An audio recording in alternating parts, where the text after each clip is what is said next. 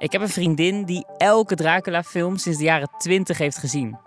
Ik keek zelf als kind makkelijk drie Disney-films achter elkaar. We hebben allemaal filmobsessies.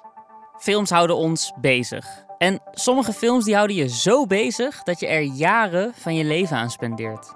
In deze aflevering ontmoet ik twee mensen met zo'n verhaal.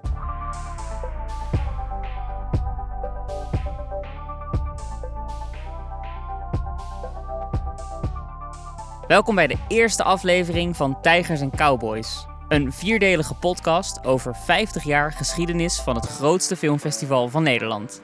International Filmfestival Rotterdam. Mijn naam is Cesar Majorana, ik ben filmjournalist bij VPRO Cinema en, nou ja, toegegeven, waarschijnlijk niet de allergrootste filmnerd die je ooit zult ontmoeten. Bij een filmquiz ben ik blij als ik de top 10 haal, zeg maar. Ik kom wel al een paar jaar op IFFR en daar spreek ik dan makers over hun films en probeer ik nieuw talent op te sporen. En al die jaren op het festival ben ik er echt van gaan houden. Het is het enige filmfestival waar publiek, pers en makers zich zo mengen. Je kunt op een borrel je favoriete regisseur tegen het lijf lopen. En, veel belangrijker nog, je ziet hier films die elders niet de kans krijgen. 50 jaar filmgeschiedenis. Dat is een lange tijd. Maar in de komende aflevering ga ik proberen bloot te leggen wat er zo bijzonder is aan vijf decennia van het meest progressieve filmfestival op aarde. We noemen de podcast Tijgers en Cowboys. Omdat behalve de tijger, die symbool is van het festival, omdat hij natuurlijk wild en eigenzinnig, maar ook bedreigd is, er ook cowboys zijn in de geschiedenis van dit festival. Cowboys zijn de vrouwen en mannen die films mogelijk maken. Deze eerste aflevering trap ik af met het verhaal van een geheime vertoning en ik heb een 50 jaar oude belofte om in te lossen. Laten we beginnen met die belofte. Daarvoor moet ik iemand opbellen. Marje Landman. Hallo Marja, met Cesar Majorana van de VPRO. Ik heb een beetje een vreemd verzoek voor je, maar ik denk dat je het leuk gaat vinden. Um, jij schreef een brief over de film De Kou. Dat klopt. Marja, die ik onlangs aan de lijn had, was op de allereerste editie van IFFR ooit. Het was in 1972 en daar had ze een ja, niet zo hele succesvolle kijkervaring. In een brief aan het festival schrijft ze: Beste IFFR, mijn voorstel is om de prijswinnaar van het allereerste festival, de Perzische film De Koe, te programmeren. Het zit zo. Nadat de koe tot winnaar was uitgeroepen, vond s'avonds laat een extra vertoning plaats in Calypso. Mijn man, ik en een handjevol anderen waren aanwezig. In de film werd Farsi gesproken. De ondertiteling was Frans en het late tijdstip zorgde ervoor dat we indommelden. Tijdens uw 25-jarig jubileum kregen we een herkansing, ditmaal met Engelse ondertiteling. Helaas voor ons waren de voorstellingen binnen de kortste keren uitverkocht. Met vriendelijke groet, Marje Landman. Ja, en 50 jaar geleden probeerde jij die, die film te zien. Is niet gelukt. Um, zou je hem nog willen zien? Heel graag, ja. Oké. Ik kan niks beloven, maar ik ga kijken wat ik voor je kan doen en dan kom ik bij je terug. Dat zou leuk zijn. Nou, ik ben benieuwd. Oké, maar ik, ik kan echt niks beloven, wil ik nogmaals benadrukken. En um, geef me heel even. Het, het gaat misschien eventjes duren ook. Dat maakt niks uit. Ik heb tijd. Ja, je hebt 50 jaar gewacht. dat is zo. Oké, okay, uh, eh, ik spreek je heel snel. Dankjewel. Nou, het lijkt voor mij een uitdaging om te gaan kijken of ik die film ergens kan opsporen. En Marja dan eindelijk na 50 jaar een vertoning kan aanbieden. Maar voordat ik Marja verder ga helpen, wil ik je meenemen naar iets markants in de historie van het Rotterdamse Filmfestival.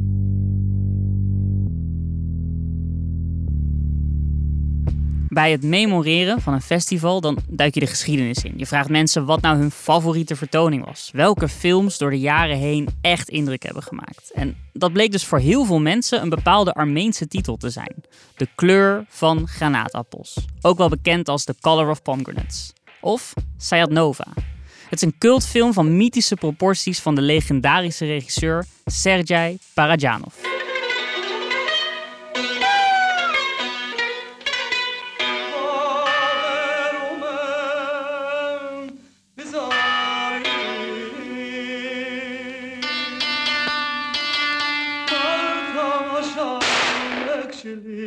Men zegt dat dit een van de beste films ooit gemaakt is. Die film kwam in 1969 uit en heeft op IFFR gedraaid, ergens in die eerste tien jaar. Er is alleen één eigenaardigheid. Het staat nergens in de archieven. Niet op de website, niet in de oude catalogus, niet in het eigen archief van de organisatie. Kortom, we hebben te maken met een geest. Maar wat is hier gebeurd? En hoe komt het dat zo'n iconische titel, waarvan dus meerdere mensen hele dierbare herinneringen hebben, niet terug te vinden is in het archief? Zouden al die mensen een collectieve droom hebben meegemaakt? Het Mandela-effect, dat complot wat zegt dat onze hele werkelijkheid is vervangen door een alternatieve werkelijkheid. Ik wil weten wat er is gebeurd en ik ga op onderzoek uit.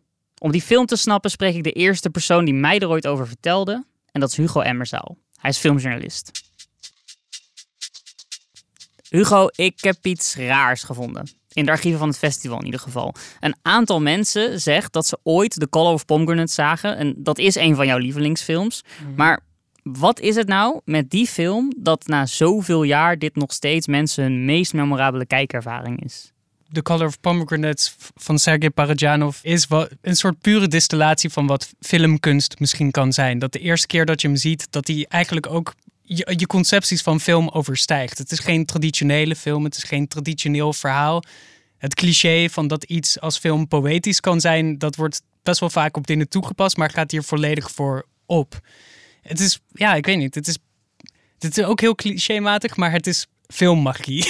als dat, if that makes sense ik zit nu te kijken naar hoe je dit aan me vertelt en je straalt er ook een beetje bij. Ja, ik moet nu weer denken aan alle vele keren dat ik de film heb gezien. En elke keer om, om, om ja, haal ik er weer een, een, stukje meer uit. Ik kan misschien wel kort vertellen wat, waar de film over gaat, om, om, om, om proberen het voor mensen over te brengen. Maar ik kan je wel vertellen dat alles wat je over deze film hoort, komt niet overeen met je kijkervaring. Want die, die zal sowieso heel uniek zijn. Maar het is een film over een poëet, Sayat Nova, de nationale poëet van Armenië, van de Caucasusregio.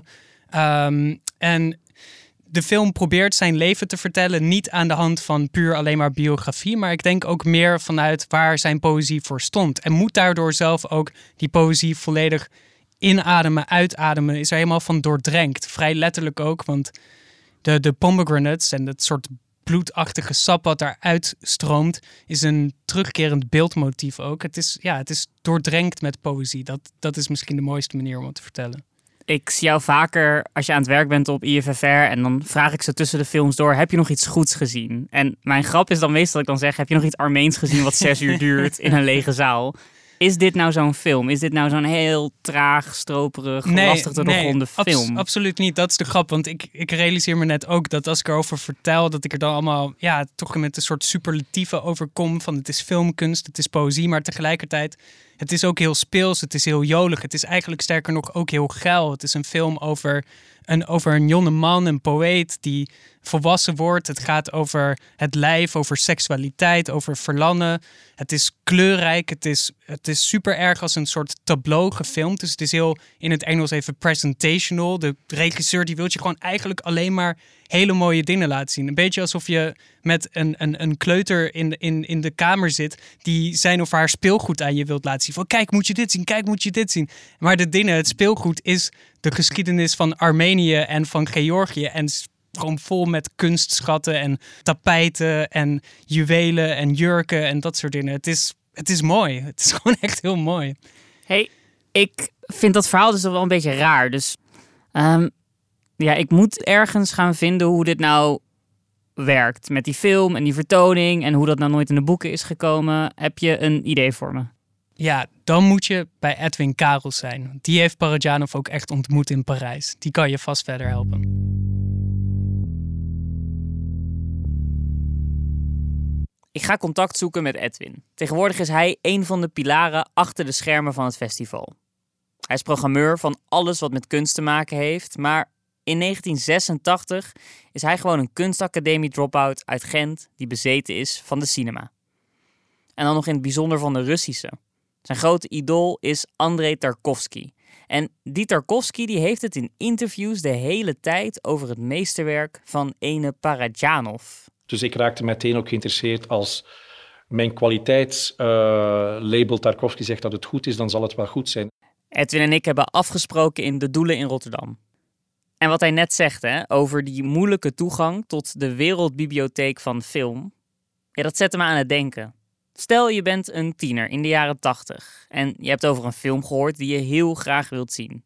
Zo'n film waarvan je weet, ik moet deze in de bios kijken. Hij gaat mijn leven veranderen. Wat kun je dan doen? Dit bedacht Edwin. Toen heb ik nog als uh, student gewoon gezegd van ik ga die film zelf programmeren, want er was een, een print uh, in Brussel en om die te zien moest je die gewoon zelf programmeren. En zo ben ik eigenlijk aan het filmprogrammeren geslagen om die film te kunnen zien. Zo doe je dat dus. Edwin programmeert de film, gaat zelf in de zaal zitten en... Dat was een gigantische eye-opener. Ik had iets gezien wat ik qua beeldtaal nog nooit uh, had ervaren. En opnieuw, waar ik uh, heel bevrijdend niks van snapte, maar het mij toch door aangesproken voelde. En dat is denk ik voor mij wat, wat kunst, wat filmkunst met je kan doen. We springen vooruit in de tijd. Het is 1988 en Edwin is bevriend geraakt met een Franse journalist. Die journalist vertelt hem dat de grote Parajanov, zijn idool, naar Parijs komt voor interviews. En dus gaat Edwin ook naar Parijs, op weg naar een hotel. Liften natuurlijk. Ik was nieuw in dit soort zaken. Tja, uh, gewoon filmstudent. Uh, en zoals het vaak gaat, uh, er wordt een hotelkamer gehuurd. Uh, journalisten verzamelen zich en mogen om de beurt quality time en one-on-one. -on -one, in het beste geval één op één gesprekje met Parajanov doen. En ik zat daartussen om te wachten om... Ik had geen recht op een interview, maar om tussendoor eventjes mijn... Um, mijn respect te betonen, mijn bewondering te tonen. Ja, heel naïef eigenlijk. Dus Edwin staat klaar in Parijs. En als dit plan hem lukt, dan ontmoet hij zo meteen de regisseur die hem al jaren fascineert. In zijn hand heeft hij een cadeau. Ik had iets gemaakt, een soort van uh, misschien storyboard of collagemapje met wat ik dacht van ooit ga ik dit maken of misschien kan ik het laten zien aan hem. Maar goed, uh, eens de deur openzwaait na de zoveelste interviewsessie komt Parajanov uh, energiek en theatraal, want zo was hij altijd even luchthappen of vraagt hij iedereen binnen in de hotelkamer, kom, kom. Begint hij bananen uit te delen. Iedereen moest iets uit zijn fruitmand eten. Uh, en probeert hij een collage en een antieke dolk te slijten. Uh, Parajanov was ook een beetje uh, brokanteur, businessman. Uh, en hij ging los van ja, ik had een geweldige nacht in dit hotel en ik heb een collage gemaakt en dit is gewoon helemaal uniek en als je wil, kan je die kopen. Ja, out of the question. Ik had daar geen middelen voor, maar ik heb er wel een fotootje gemaakt van die collage. Edwin heeft twee foto's meegenomen van de kunst die Parajanov maakte. Eén van het werkje wat hij in Parijs aan de journalisten wilde slijten. En eentje van een variant die hij vele jaren later ontdekte in Venetië, bij een Armeense drukkerij. Ja, ze, ze zijn vrijwel identiek. Kortom, Parajanov was een beetje een oplichter, een charlatan of, zoals Edwin hem noemt, een post-Sovjet ondernemer. De meeste van die variaties op, op die uh, collage hangen nu samen in het uh, Parajanov Museum in Jerevan, um, waar ik met veel geluk dus ook een keertje terechtgekomen ben. Hij is een van de weinige filmmakers die een eigen museum heeft rond zich, wat dus best wel bijzonder is. We maken weer een sprong in de tijd. Een Brit genaamd Daniel Bird neemt een paar jaar geleden contact op met IFFR en zegt: Ik heb mijn hand weten te leggen op de originele opnames van The Color of Pomegranates. Het is materiaal wat de edit niet gehaald heeft. Een goudmijn, dat belooft hij. Het is allemaal een beetje onwerkelijk, want in de Sovjet-tijd werd weggesneden filmmateriaal meestal meteen vernietigd. Dat deden ze om de metalen die in de filmrol zitten te kunnen hergebruiken. De kans dus dat deze beelden echt bewaard zijn gebleven, is vrijwel nihil. Edwin vertelt mij waar het gevonden werd. Die kwamen uh, van onder het bed en dan bewaard in een Armeens archief. Maar uh, zoals Daniel mij omschreef, is dat archief een soort van semi-geheime plek op een kale heuvel omgeven door slangen. Het is bijna een, een, ook weer een mythologisch beeld, maar hij zegt totaal erbarmelijke omstandigheden, maar daar ligt het dan. In een Pools filmlab worden de herontdekte beelden gerestaureerd. En Edwin besluit er dan meteen iets bijzonders mee te doen. Hij beschouwt ze als een archeologische vondst. En uit respect daarvoor voegt hij ze niet toe aan de originele montage. In plaats daarvan vertoont hij de beelden op gigantische verticale schermen in Arminius, een kerk in Rotterdam. En het is een kerk omdat kerken nou eenmaal in die film een hele grote rol hebben. De vertoning is enorm belangrijk, en dan met name voor de Armeense gemeenschap. Uh, dit is een wapenfeit. Ze worden erkend, zoals nu heel onlangs pas Joe Biden de Armeense genocide erkend heeft. Uh, is dit een wapenfeit voor het oog van, van een wereldpubliek, namelijk het internationale publiek van het Internationale Festival Rotterdam, waar zij dus een nieuwsitem kunnen rondmaken wat dan de hele Armeense eh, gemeenschap wereldwijd rondgaat en hen weer een beetje verankert. Hugo, mijn filmjournalistvriend, die was dus in Jerevan voor die tentoonstelling. En hij noemt het serieus een van de mooiste dingen die hij in zijn leven heeft meegemaakt. Absoluut, ja. Ik denk dat het op, als een cinefiel niet beter gaat worden dan dat. Je bent in een soort totaal vervallen oude bioscoop die niet eens meer films vertoont, naar de bijna verloren schatten van de grootste regisseur van dat land aan het kijken. Ja, dat, dat was echt een ontroerend moment. De tentoonstelling heette The Temple of Cinema en dat dekt ook weer gelijk zo erg de lading van wat, wat voor een bijna religieus extatische connotaties mensen hebben en voelen als ze kijken naar het werk van Parajanov. Dus dat, ja, dat filmmagie gaat daar ook weer op, denk ik.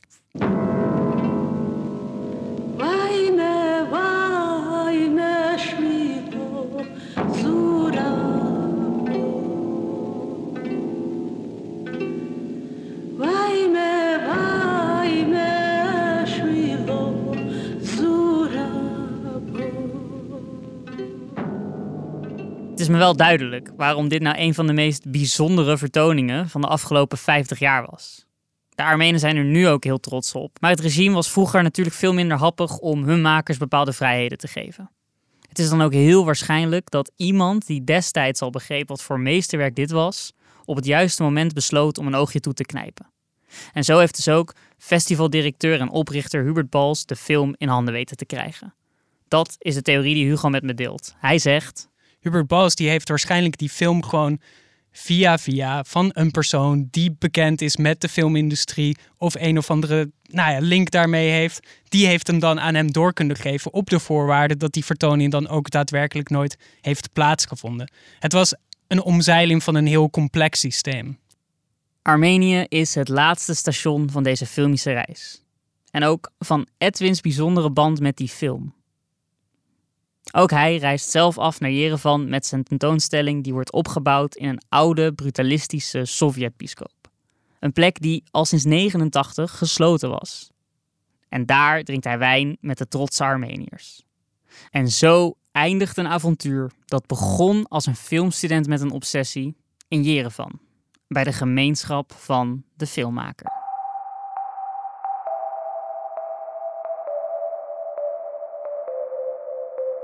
De liefde van Edwin voor Parajanov en de kleur van de granaatappels gaat heel ver. Maar 50 jaar lang wachten om een film eindelijk af te kunnen kijken, dat is ook indrukwekkend. Marja, die je in het begin al heel kort hoorde, mailde dus of de koe nog een keer vertoond kon worden. Ze was er zelf in het eerste festivaljaar wel bij, maar ja, het ging mis. Het was in Calypso. En uh, ja, het was dus s'avonds laat. Hè? Daarom wilde ik hem nog uh, graag een keertje zien. Uh, dus ja, gewoon, ik had heel de dag gewerkt met mijn uh, vriend destijds. En omdat deze film de eerste prijs had gewonnen. en wij die film gemist hadden tijdens het festival, zijn we er naartoe gegaan. Naar een extra voorstelling, s'avonds om 10 uur of 11 uur. Het is 1972 en IFFR stelt nog maar weinig voor. De wethouder van cultuur dat jaar weigerde zelfs ter plekke om de officiële opening van het festival te doen omdat er, ja, wat hem betreft, te weinig mensen in de zaal waren.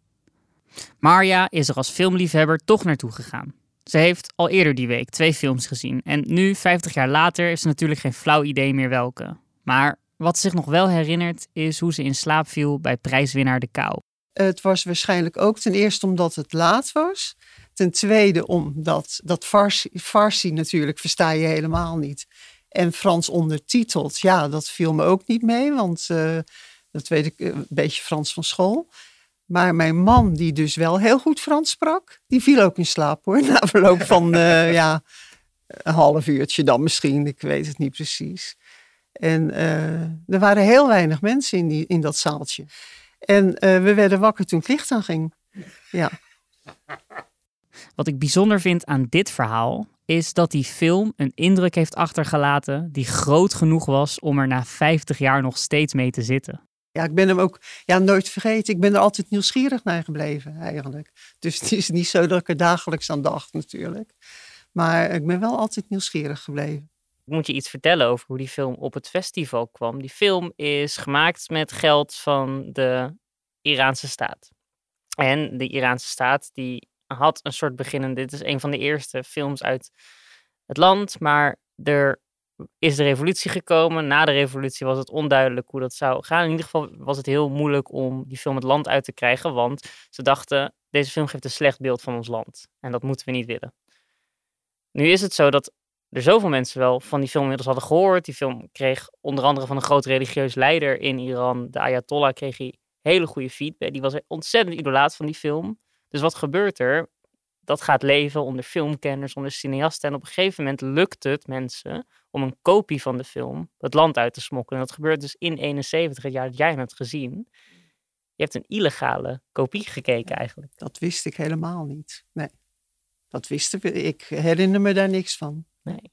Plus je, bent, plus je hebt het niet eens echt gezien, want jij en de mensen in de zaal waren weggebonden.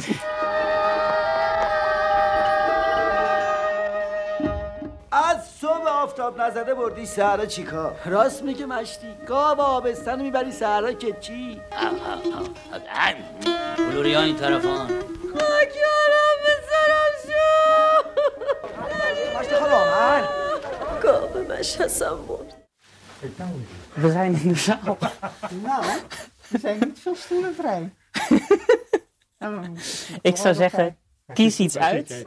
Nou, ik, ja. Het is eindelijk tijd voor de herkansing. Want ook al zijn de bioscopen allemaal op dit moment gesloten, het is me gelukt. Het is me gelukt om een privéscreening voor Marja te regelen. Samen met haar kijk ik in zaal 5 van Lantaarnvenster naar De Koe. Het is absoluut geen film om bij in slaap te vallen. We worden bij onze keel gegrepen. We volgen het verhaal van een boer die ontzettend veel van zijn koe houdt. Maar voor een afspraak vertrekt hij naar de stad. En als hij dan weg is, dan sterft die koe. Hoe het gebeurt wordt niet duidelijk, maar het hele dorp is in rep en roer en niemand wil het slechte nieuws aan hem vertellen. Wat er gebeurt wanneer hij terugkomt en hoe deze man dan omgaat met zijn verlies, en wat ook nog eens de invloed is van een leugen op een heel dorp, dat is de hoofdmoot van de film.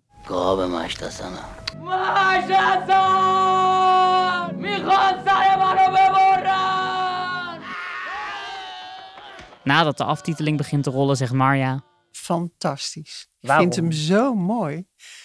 Eh, misschien omdat het ook een oude film is. Want het lijkt me dat je de- dit, ja, deze film kun je natuurlijk wel naspelen. Maar het lijkt me helemaal authentiek. Ik heb het idee dat het echt in een bestaand dorpje met bestaande dorpelingen is opgenomen. Dat idee heb ik. Hoewel ik het helemaal niet weet. Geweldig. We zijn 50 jaar verder, je hebt de film eindelijk gezien. Ik kan me niet voorstellen dat er ergens op aarde een film bestaat die 50 jaar wachten waard is, natuurlijk. Nee, nou je ziet wel eens meer oude films en ja, meestal vind ik wel dat het eh, verouderd is. Maar van deze film niet.